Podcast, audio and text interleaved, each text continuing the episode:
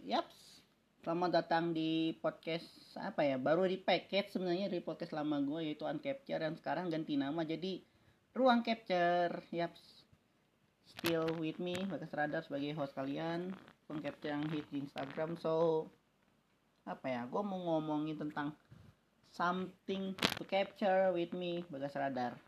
Mungkin gue agak sedikit apa ya? Agak sedikit spoof ya atau parodinya podcastnya Bruce Fletcher yang Something to Wrestle with Bruce Fletcher yang bareng sama Conrad Thompson.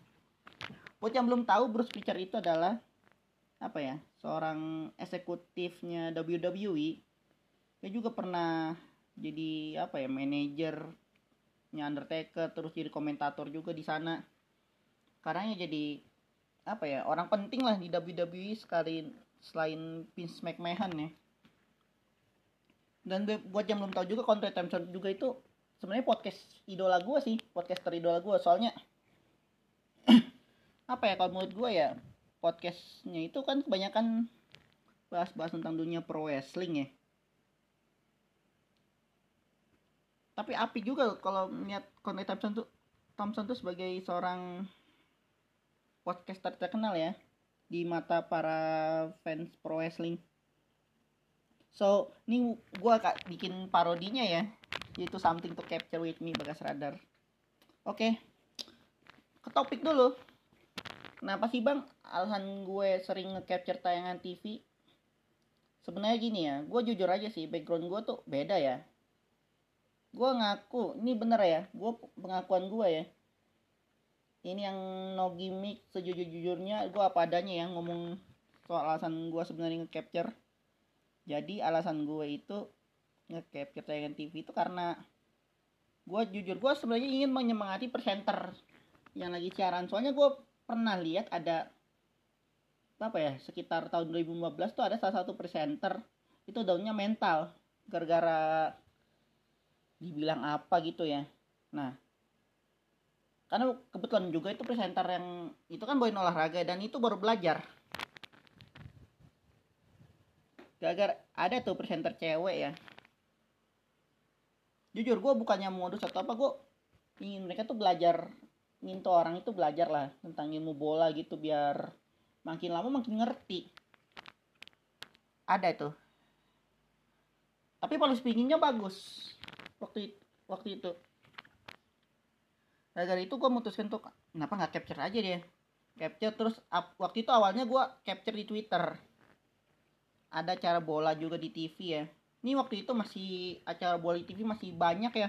Masih banyak yang oke oke sekarang mah udah jarang sekarang ya yang acara acara bahas bola di TV lebih tepatnya ya baca berita-berita bola sih gitu. Tapi kalau gue pertama kali ngecek reaksinya positif karena ya inginnya gue bukannya mengkritik atau apa ya gue ingin presenter tuh belajar gitu tentang oh ini nyebutnya ini ini, ini gitu. Jujur kayak kalau gue kayak ibaratkan kayak gue kalau gue di mata para presenter atau apa gue ibaratkan kayak guru penjas ya. Sumpah. Guru penjas soalnya gue nggak apa ya capture nggak capture gue santai-santai aja sih. Gue sebenarnya nggak ada problem atau apa gitu ya gak masalah sih kalau menurut gue gitu. Nah kalau untuk apa ya gue sekarang tuh kalau lebih capture tuh gue lebih prefer capture bola berita cuma sekali doang ya. Gue jujur aja gue dulu tuh sering banget capture berita ya. Sekarang gue cuma sesekali doang. Tapi kalau ada yang kegiatan gue yang lebih penting kayak seperti nongkrong sama temen atau apa ya usaha kerja gue kebetulan buka usaha juga sih usaha kuliner ya. Gue malah lebih penting kegiatan gue sendiri timbang capture karena ya mood gue ya tiap hari kalau keterusan ya nggak enak juga sih sebenarnya. Takut disangka nyepam dong. Gitu ya. Tapi gue juga kangen ingat kan kangen masa happy hour gue ya sebagai tukang tukang capture. Karena ya gue ingin mereka tuh semangat gitu ya semangat siaran apa apa gue sampai gini ya. Gue sampai komen di apa ya waktu zoom ya bareng sama suara mancar bareng sama bang kalian kali gitu ya. Gue jujur sebenarnya gue bukan fandom fandom TV yang aneh-aneh atau maniak TV gimana gitu ya. Gue cuma sebenarnya gue tipikal penonton biasa aja ya. Gue nonton TV terus hobi nonton film juga apalagi nonton bola di stadion. Be, itu gue kan memang memang karena hobi gue sebenarnya nonton sih. Bukan cuma nonton TV doang. Tapi sekarang ya semenjak pandemi gini ya gue jujur sih malah sering banyak nonton TV ya. Makanya gue sampai kena serangan itulah akun-akun maniak TV gitulah yang bikin gila kalau menurut gue tuh lama-lama ya. Contoh aja gini ya.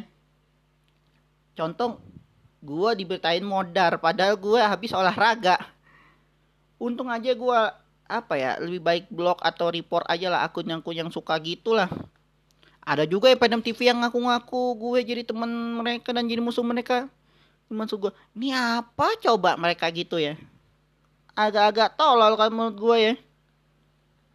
Tapi semenjak gara-gara gitu juga gue jadi selektif banget lah kalau apa ya berteman dengan siapa aja gitu. Gue jujur sebenarnya sebelum ketemu maniak TV aneh itu gue open. Orangnya open sih. Terbuka buat siapa aja. Tapi semenjak gara-gara maniak TV yang aneh-aneh terus ada beberapa tukang capture lain yang baperan. Ada. Gara-gara itu juga gue selektif. Kalau mau apa ya ngobrol atau berteman gitu. Contoh aja ya gue sekarang lebih prefer kalau ngomongin pro wrestling atau ngomongin bola sama teman-teman gue sih. Jujur gue kebetulan juga gue oh, memang gue bilang kan seperti gue bilang tadi itu gue terbuka dengan siapa aja tapi asalkan jangan maniak TV yang aneh-aneh gitu ya. Gue malah sering nongkrong bola di nongkrong bahas bola di grup telegram ya. Kebetulan ada gue join grup telegram ya itu youtuber suara Cinol terus podcast boba ya ini kalau ada mereka-mereka di situ gue malah anteng-anteng aja ya. Makanya sampai gue iseng-iseng yang kalau ada apa ya ada minta link streaming ilegal bola gitu kan bilang eh tolong dong yang komentator Arab dong. Komentator Arab ya. Tapi jujur aja sih gue malah kalau nonton bola kalau meskipun gue sering capture yang legal-legal malah lebih afdol nonton yang pakai komentator Arab ya biar nggak tegang gimana gitu ya sumpah. Ini beneran asli. Nah selain ngomongin bola terus ngomongin pro wrestling ya.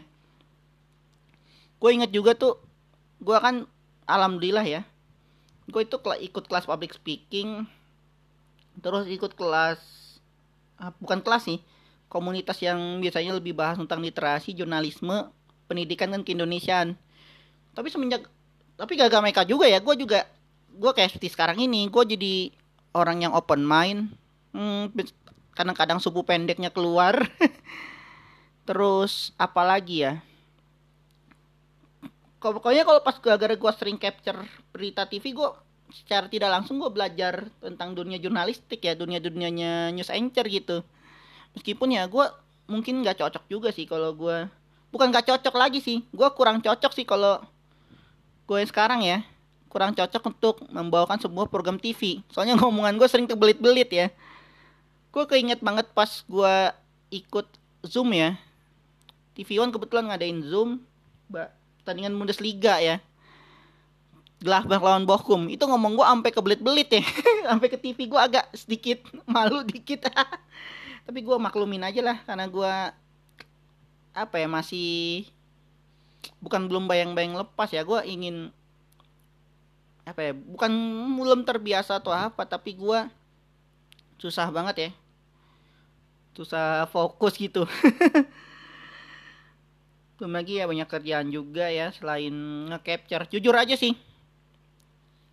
Oh ya ngomongin soal capture ya yang topik yang gue bahas ya. Tapi karena maaf ya gue agak omong OOT dikit nih.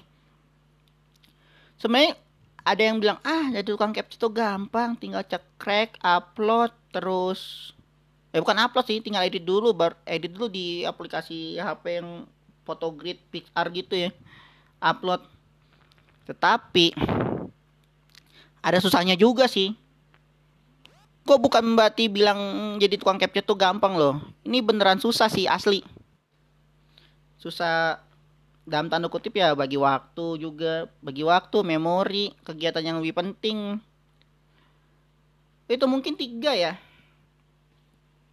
Kemudian gue yakin juga ini sekarang tuh tukang kalau mau syarat harus jadi tukang capture tuh harus nahan mental netizen plus 62 ya yang banyak kan tahu sendirilah. Netizen plus 62 tuh kadang-kadang mentalnya kayak sumbu pendek gitu ya. Terus tahan mental juga dari yang seperti gue bilang tadi tuh. Yang suka monitor TV yang aneh-aneh. Kemudian bagi waktu dengan kegiatan yang lain yang justru lebih penting ya. Kemudian gue juga sebagai tukang capture juga ya gue jujur ya gue lebih sayang memori sih daripada sayang capturean gue jujur alhamdulillah. Gue aja masih enak loh kalau memori gue tuh masih lega gitu ya gue yakin juga banyak tukang capture lain yang HP-nya mungkin HP kayak ever HP HP lokal tapi bukan HP lokal sih gue maaf ya. Takut ngejudge gitu ya. Mungkin HP HP mungkin HP yang punya memorinya agak cekat gitu ya. Mungkin itu lebih menderita sih daripada gue kalau gue memorinya masih lega gitu ya.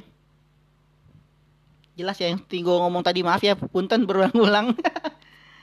Gue op mungkin dari open mind gue ya soal dunia percapturean.